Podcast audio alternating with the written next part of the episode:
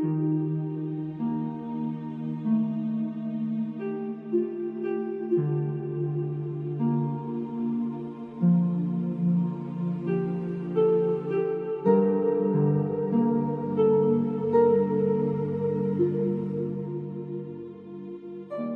сонсогч таны энэ өдрийн амраа маглан айлтгая. Библийн хуудасаа радио сурал хичээлийн маань нэгэн цоо шинхэн дугаар эхэлж байна. Тэгэхээр өнгөрсөн дугаарт бид бурхан бол бүтээгч бурхан. Тэр биднийг өрөөнө гэж амласан орчлон ертөнцийг бүтээсэн цорын ганц нэгэн.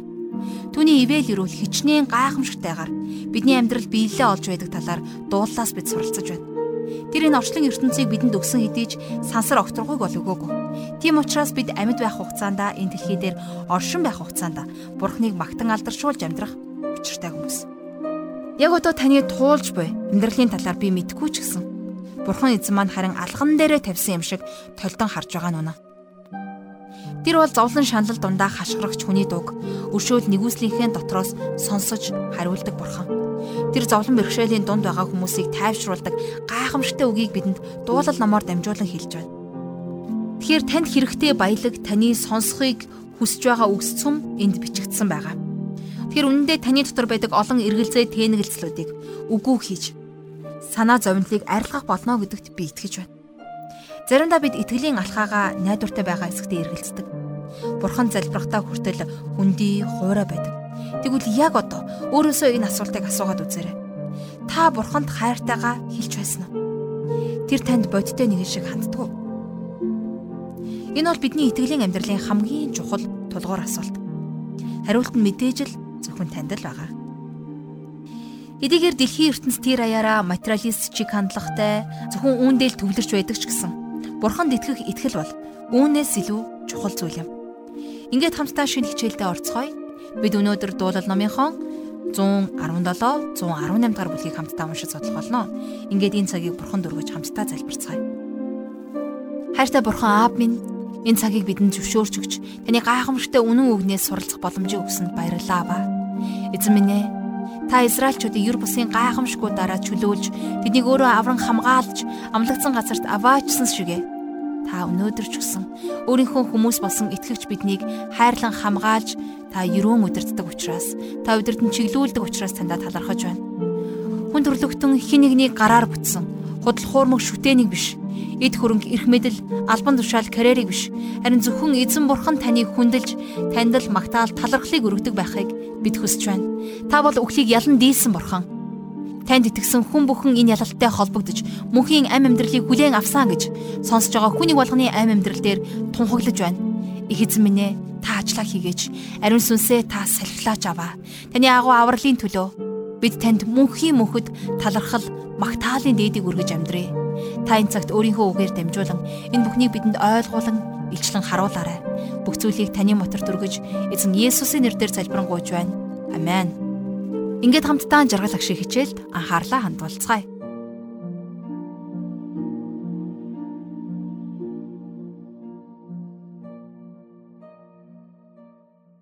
За дуул номын судлалынхаа өнөөдрийн хичээлээр хамтдаа дуулал номынхон 117-оос 118 дугаар бүлгүүдийг судалцгаая.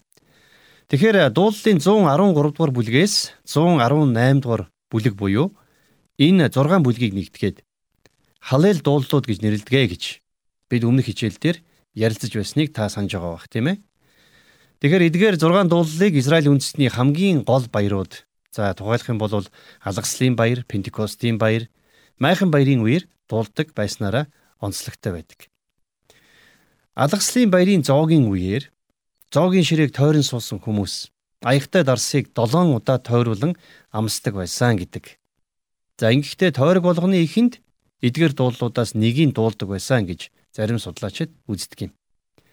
Харин өөр зарим судлаачид бол дуулалын 113 114 дугаар бүлгийг баярын зоогийн өмнө дуулдаг.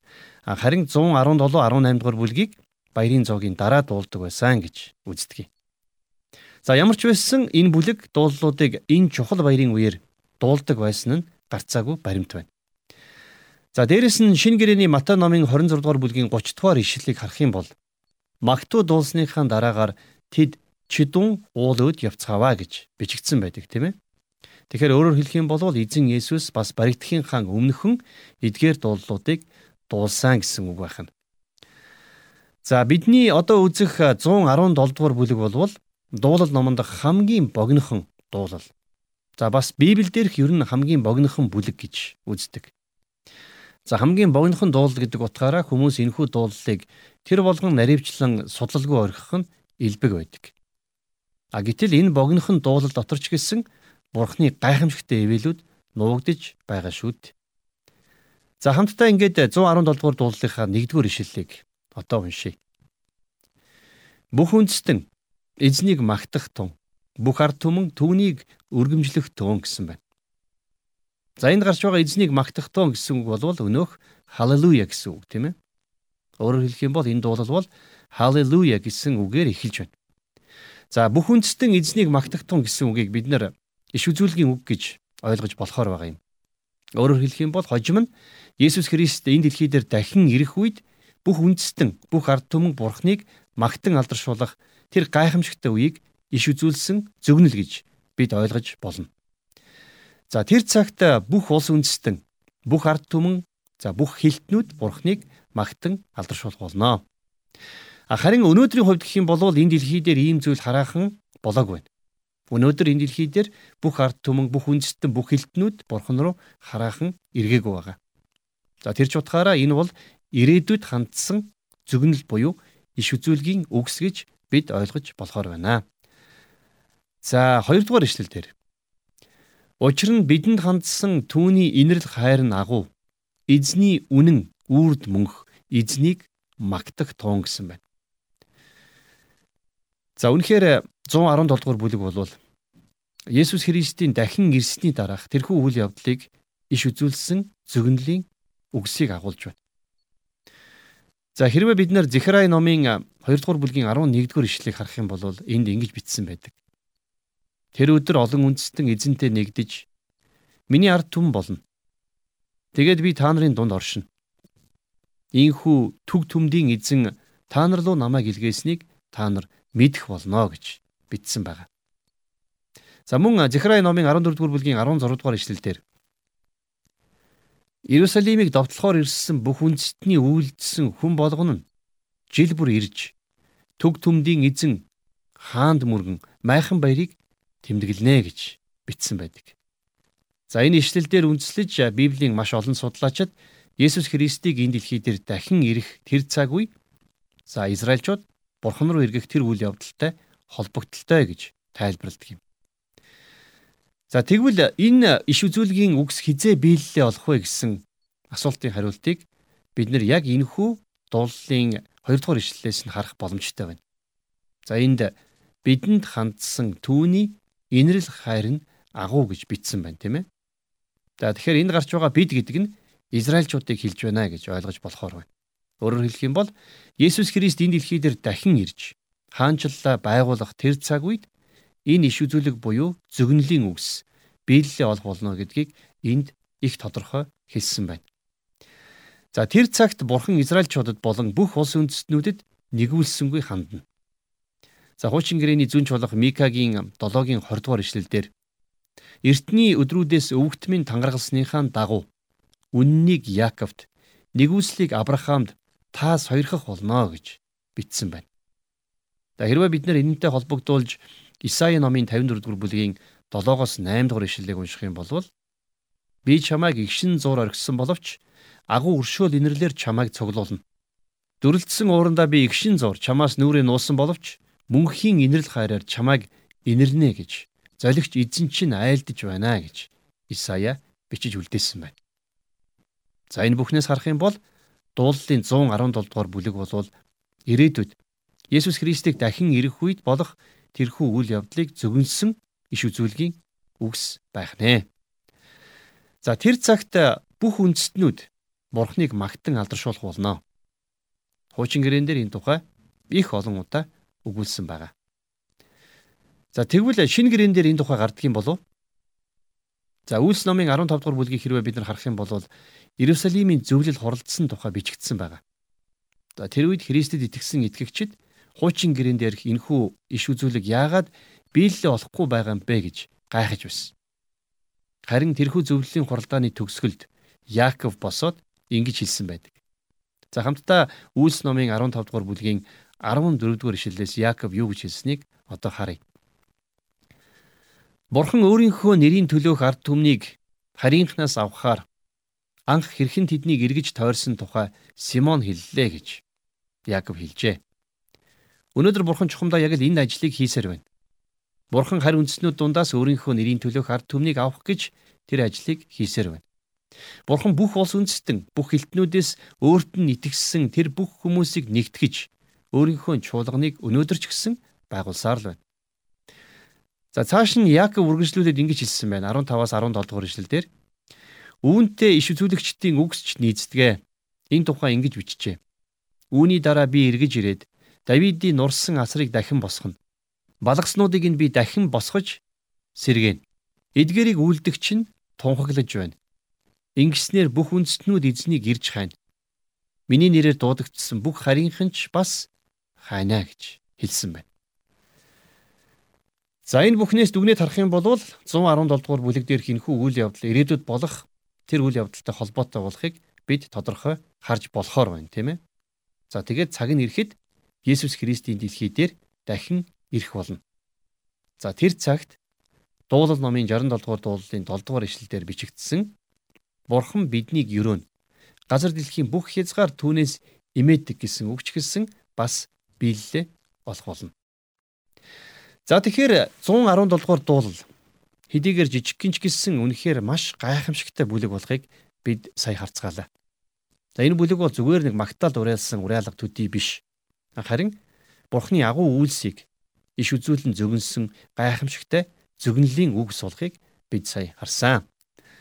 За одоо харин цааш нь үргэлжлүүлээд дуулалынхаа 118 дугаар бүлгийг дэлгэцгээе.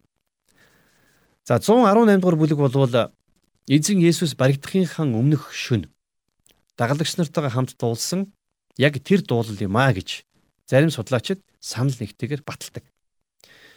Эзэн Есүсийг баригдахаас өмнөх орой дагалдагч нар нь түүнтэй хамт баярын зоог барьж байсан. Тэд нар хамтдаа алгаслын баярын зоог барьж байсныг санаж байгаа бох тийм ээ.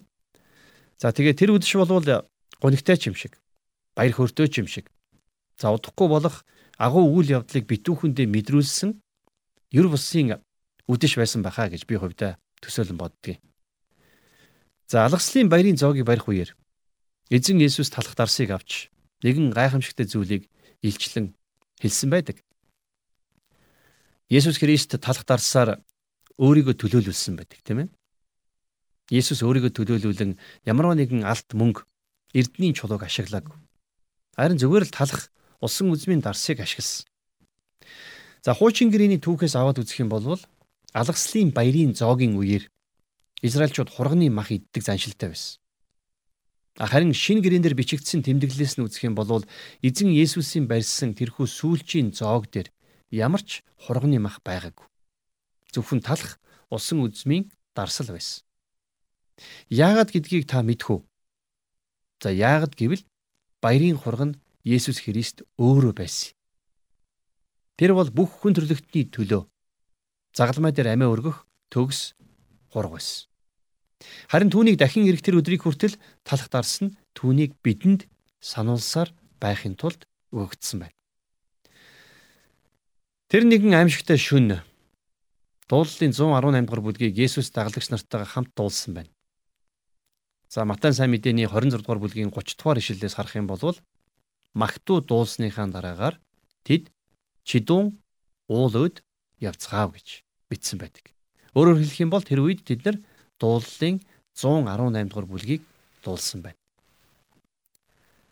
За уламжлал ёсоор алгаслын баярын зоогийн үеэр аягтай дарсыг 7 удаа тойруулаад бүгдээрээ тэр дарснаас амссан байна. За харин аягтай дарс 7 дахь удаага эрэхт нь эзэн Есүс тэр дарснаас татгалзаад би энэ дарсыг одоо та нартай уухгүй харин эцгийнхээ хаанчлалд та нартай хамт уух болно гэж айлдсан байдаг. Есүс Христ бидний төлөө зовлон идэлж тэрхүү аягтайг уус. Христ бол бидний төлөө цусаа урсгасан Бурхны хург байсан. Түүний аяг бол түүний цусаар тогтоогдох шин гэрээ байсан. Бидний хүртэх ёстой зовлон Есүс бидний өмнөөс хүртэж түүний зөвхт байдал нь бидний дээр ирсэн. Энэ бол үнэхээр гайхамшигтай сайхан мэдээ. За хамтдаа 118 дугаар бүлгийнхээ эхний 3 ишлэлийг одоо уншийе. Эзэнд талархал өрг. Тэрээр сайн сайхан бөгөөд түүний хайр инэрл мөнхийх. Израилаар түүний хайр инэрл мөнхийх гэж хэлүүл. Аароны гэрээр түүний хайр инэрл мөнхийх гэж хэлүүл. Үнэхээр бид нар Бурхны хайр инэрл мөнхийх хэмээн магтан алдаршуулах учиртай. Та бид нар бүгдээрээ Бурхны хайр инэрл мөнхийх юмаа гэж ярих ёстой. Бурханд бүх талархал магтаалыг өргөх зохистой. 4-өөс 6 дугаар ишлэлдэр Эзнээс эмээгчдэр түүний хайр инэрл мөнхийнх гэж хэлүүл. Зовл хавчил дундаас эзэнд би хашгирав. Зоо тэнүүн газраар эзэн надад хариулав. Эзэн миний талд би айхгүй хүн надад юу хийж чадах вэ? Та төсөөлөн бодоорой. Бидний эзэн Есүс энэ дууг дуулаад загалмайн зовлон өд сайн дураараа зоригтойгоор алхсан. Загалмай дээр өвдөж тарчилж байхдаа эзэн Есүс Бурхан минь, Бурхан минь, юунд та намайг орхио гэж хашгирсан. Бурхан түүний талд байсан. Бурхан Христ дотор бүх дэлхийг өөртөөгөө эвдрүүлсэн. Энэ тухай хожим Паул Коринтотынд бичсэн 2 дугаар загтлынхаа 5 дугаар бүлгийн 19 дугаар ишлэлдэр Учир нь Бурхан дэлхийг Христ дотор өөртөөгөө эвдрүүлж тэдний гин бурууг иш тооцсон ба эвлэрлийн үгийг бидэнд даалгасан билээ гэж бичсэн байдаг. За үргэлжлүүлээ 7-оос 8 дугаар эшлэлдэр эзэн надад туслагчдын дунд байна. Тиймээс намайг үзэн ядагсад руу би харах болно. Хүнд итгэхээс эзний дотор хорогдох нь дээрээ гэсэн баг. Та хүнд биш. Бурханд итгэл найдвараа тавьж сурсан уу? Энэ бол их л чухал зүйл. Маш олон хүмүүс Христэд итгэснийхээ дараагаар итгэл найдвараа бурхан дээр биш харин хүн дээр тавьснасаа болоод итгэлийнхээ амьдралыг сүрүүлж байсан. Тэд нарын харж явсан, итгэж найдаж явсан удирдагч нь унах үед тэд нар дагаад очдөг. Харин Библи болвол биднийг хүнд биш харин бурханд итгэж хүний дотор биш бурхны дотор хорогдох учиртайг байнга сануулдаг юм шүү дээ. За ингээд эзэн Есүс тэр шөнө энэхүү дуулалыг дуулж байх үед түүний эргэн тойронд хэдэн хүн байсан бilé? За 11 залуу сууж байсан тийм ээ. За яагаад үг гэвэл түүний 12 дагалдагчийн нэг нь аль хэдийнэ Есүсийг барьж өгөхөөр явчихсан байсан. Тэгэхээр түүнтэй хамт байсан 11 ирчүүд ч бас удахгүй өөрийн орхиж зүхтаах болно гэдгийг Есүс тэр үед сайн мэдэж байсан. За ингээд хүнд итгэхээс эзний дотор хорогдох нь дээрэ гэдгийг Эзэн Есүс бол хамгийн сайн мэдэж байсан байна. Та ч гэсэн өнөөдөр хүнд биш. Харин бурханд итгэж найдаарэ. Яагад үг гэвэл хүн таны итгэлийг хөсөрдүүлнэ. Харин бурхан хизээч таны итгэлийг алдахгүй. Тийм учраас итгэлээ та зөвхөн бурхан эзэндээ л тавиарай. 9-с 12 дугаар ишлэл. Ноёдод итгэхээс эзний дотор хорогдох нь дээр бүх үндэстэн намайг бүсэлжээ. Эзний нэрээр би тэднийг тас цохино. Тэд намайг хүрээлжээ. Тийм ээ, намайг хүрээлжээ. Эзний нэрээр би тэднийг тас цохино. Тэд намайг зүгийнүүд мэд хүрээлв. Өргөст бутны дундах гал мэд тэд унтарчээ. Эзний нэрээр би тэднийг тас цохино. За тэгэхээр тухайн үед бол Ромын эзэнт гүрэн маш олон үндэстнүүдээс бүрдсэн эзэнт улс байсан тийм ээ. За тэгэхээр яг энд бичигдсэнчлэн бүх үндэст нь намайг бүсэлжээ гэж бичсэн энэхүү утга санаа бол Ромчууд Есүсийг цовдлсон яг тэр үеийн утга санааг төгс илэрхийлж чадаж байна тийм ээ. Эзэн Есүсийг цовдлсон тэр улс үндэстэн одоо байхгүй болсон. Учир нь тэд нар орчлын ертөнцийг бүтээсэн бүтээгчийг цовдлсон. Эзэн тэднийг энд бичигдсэнчлэн тас зогсон байна. Тэд нар түүхээс арчигдсан. За 14 дугаар эшлэл дээр Эзэн миний хүч ба миний дуу. Тэр миний аврал болсон. Эзэн болвол та бидний аврал гэдгийг бид нэр үргэлж санаж, түүнийг үргэлж магтан алдаршуулж амьдрах учиртай байдаг. Биднийг аварсан Есүсийн аврал бол бид түүнийг мөнхөд магтах хангалттай шалтгаан юм шүү гэж би хэлмээр байна. За 118 дугаар дуулынхаа 15-аас 17 дугаар ишлэгийг одоо хамтдаа харъя. Зөвдүүдийн майханд уухан чимээ хийгээд аврал байна. Эзний баруун мотор өргөгдсөн байна. Эзний баруун мотор эрлэхгээр үлддэг. Би өөхөхгүй. Харин амьдрах бөгөөд эзний үйлсийг тунхаглах болно. За энэ үгс бол бидний эзэн Есүс Христийн амьлалтын иш үзүүлэг гэж Библийн судлаачид тайлбарладаг юм. Харин дараагийн ишлэлдэр эзэн Есүсийн үйлчлэл за бас түүний амьлалтыг товч бөгөөд маш тодорхой дүрслэн өгүүлсэн байдаг. Хамтдаа 18 дугаар ишлэгийг одоо харъя. Эзэн намайг гисгэн гисгэв. Гилээж үхэлд хүргээгүй. За тэгэхээр энэ ишлэлдэр эзэн Есүсийн үхлээс амилсан амьлалтын талаар их тодорхой өгүүлсэн байна, тийм ээ. Үнэхээр Эзэн Есүс бидний төлөө амиа өгсөн ч гэсэн тэр булшинд үрд байгаагүй. 3 хоногийн дараа Есүс үхлээс амилсан. Үргэлжлүүлээд 19-с 20 дугаар ишлэлдэр Надад зөвдийн үүд хаалгыг нээгэж. Би түүгээр орж би эзэнд талархал өргөнө. Эзний үүд хаалга энэ юм. Зөвд нэгэн түүгээр орноо. За эзний үүд хаалга гэж энд юу хэлж байна вэ? За сайн мэдээ номны Иохны 10-ын 9-р ишлэлийг харах юм бол эзэн Есүс өөрөө үүд нь би байгаа юм аа. Надаар орсон нь л аврагдах болно. Орж гарч бэлчээр олноо гэж хэлсэн байдаг. За бас Иохны сайн мэдээний 14-р бүлгийн 6-р ишлэлдэр Есүс хэлэхдээ зам үнэн ам бол би байгаа юм. Хинч надаар дамжилгүйгээр эцэгт хүрэхгүй гэсэн байна. Эндээс харах юм бол эзний үүд хаалга гэдэг нь Есүс Христ байх нь тийм ээ. Тэгээд Есүс Христэд итгэж тэр үүдээр орсон хүн бүхэн Бурхны өмнө зөвтгөгдсөн байх болно гэсэн утга санаа энд их тодорхой гарч байна.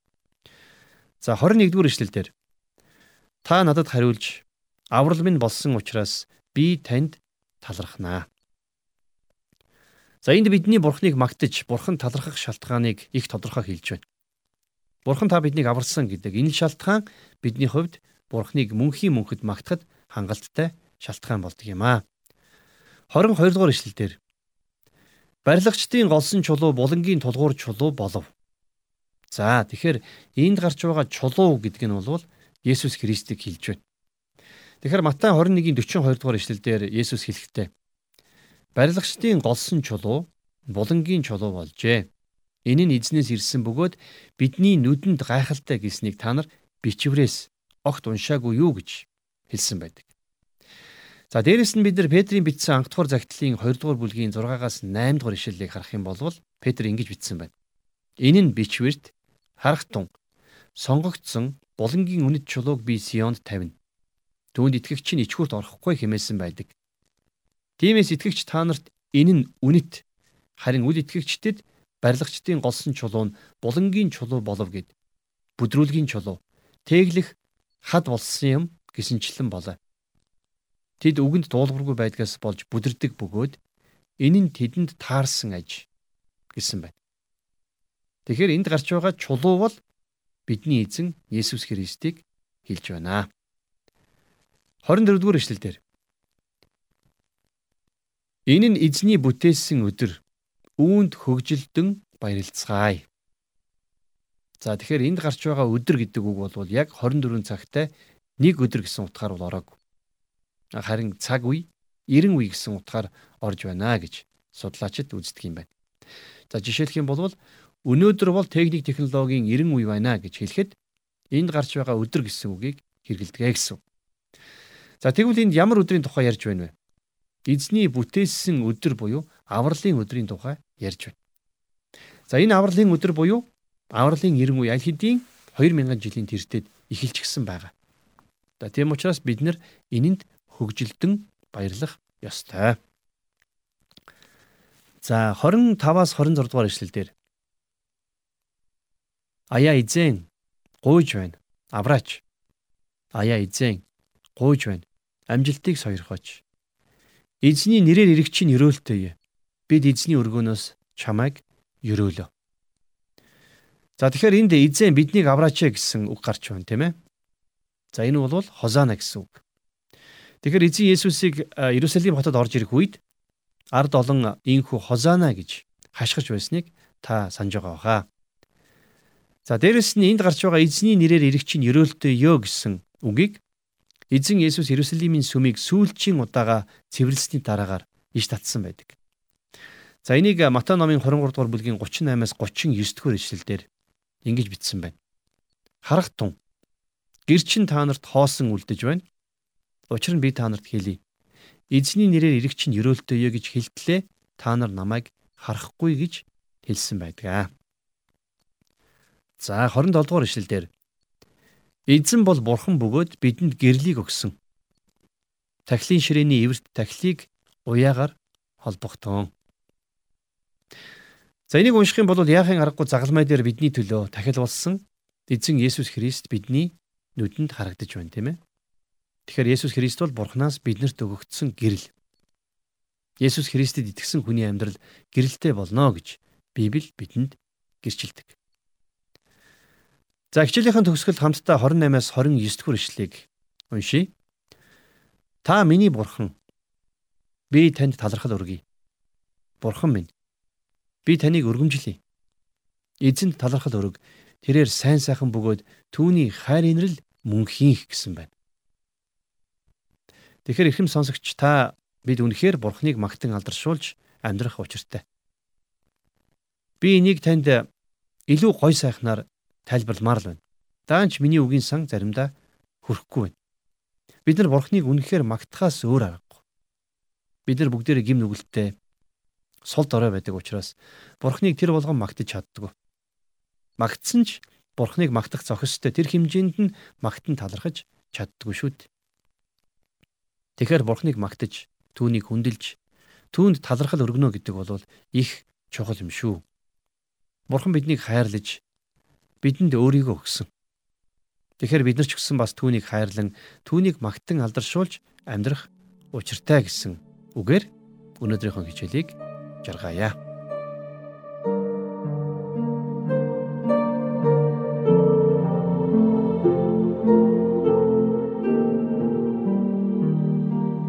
Өнөөдрийн хичээлээр бид бүх хүндрэлтэнд Бурхныг магтсан магтаал болон Есүс Христ маань баригдахынхаа өмнө дагалдагч нартаа дуулсан дуулуудыг сонсож тухайн нөхцөл байдал өнөө цагийн итгэгч бидэнд хэрхэн сургамж болон ирсэн талаар үнэхээр гайхамшигтай дуулуудаас сурч авлаа. Эзэн Есүсийг баригдахаас өмнөх орой дагалдагч нар нь түүнтэй хамт баярын зогийг барьж байсан дүр зургийг энэ хичээлээс бид дахин олж харлаа. Тэр үдшийг би сэтгэлдээ заримдаа төсөөлдөм та ч гэсэн оюун бодолтой алсгалын баярын зоог эзэнтэй хамт барьж байсан тэр 12 дагалдагчдыг харахыг хичээгээд үзээрэй. Магадгүй танд гунигтай ч юм шиг эсвэл баяр хөөртэй ч юм шиг нэг тийм агуу үйл явдлыг битүүхэндээ мэдрүүлсэн ёр бусын үзш санагдсан баг. Тэгэхээр би танд энд өгүүлсэн түүхийг сануулж хэлье гэж бодож байна. Энэ бол бидний эзэн Есүс Христ талах дарсаар өөрийгөө төлөөлүүлэн ярьсан тухай үйл явдал юм. Та бодлоо дэлхийн ертөнцийг бүтээсэн химжээшгүй эрх мэдэлтэй Бурхны хүү Есүс Христ эзэн маань өөрийгөө төлөөлүүлэн ямар нэгэн алт мөнгө эрдний чулууг ашиглаагүй. Тэр зүгээр л талах усан үзмийн дарсыг ашигласан нь үнэхээр ямар игэл даруй байдлыг харуулж байна. Яагаад гэсэн тайлал нь бүр гайхамшигтай байсан. Эзэн Есүс бол бүх хүндрэлтний төлөө загалмай дээр амиа өргөсөн төгс хураг байсан. Хэрвээ түүнийг дахин ирэх тэр өдрийг хүртэл талах дарсан түүнийг бидэнд сануусаар байдаг. Бидний хүртэх ёстой зовлонг Иесус бидний төлөө бидний өмнөөс хүртэж түүний зөвхт байдал нь бидний дээр буун ирсэн. Энэ бол үнэхээр гайхамшигтай сайн мэдээ. Хожим нь эзэн Иесус Христ дахин ирж өөрийн хаанчлыг байгуулах үед бүх дэлхий, бүх үндэстнүүд түүнийг магтан алдаршуулах болно. Харин тэр өдрийг хүртэл бид Есүс Христ эзнээ төвчээртэйгээр хүлээж түүнийг алдаршуулан гэрчилж амьдрах учиртай. Христ биднийг хайрлан бидний төлөө амиа өгөхдөө бид хүнд биш харин бурханд итгэж амьдрах ёстой гэдгийг үлгэрлэн харуулсан нь үнэхээр хичээлийн ойлгох ёстой нэгэн чухал хэсэг байсан гэж бодож байна. Тийм ээ, та бид түүнийг сүр жавхлантайгаар дахин ирэх тэр өдрийг хүртэл бурхныг магтан алдаршуулж зөвхөн түүнд л итгэл найдвараа тавьж амьдрах учиртай юм шүү. Энэ хүрээд өнөөдрийн хичээл маань өндөрлөж байна. Харин сурч мэдсэн болгоныхоо төлөө түүнд талархал өргөж залбирцгаая. Хайртай бурхан аав минь бидний төлөө өөрийн хүүг энэ дэлхий рүү илгээсэн. Таньда талархаж байна аваа. Эзэн Есүсээ бидний төлөө та загалмайн зовлон эдэлсэн учраас баярлалаа аврагч эзэн минь.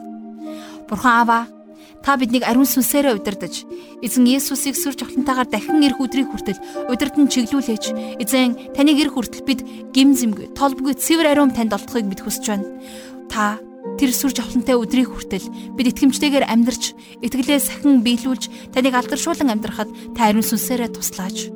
Бүх зүйлийг танд өргөж эзэн Есүс Христийн хүч чадалтай нэрээр залбирanгуйж байна. Амен.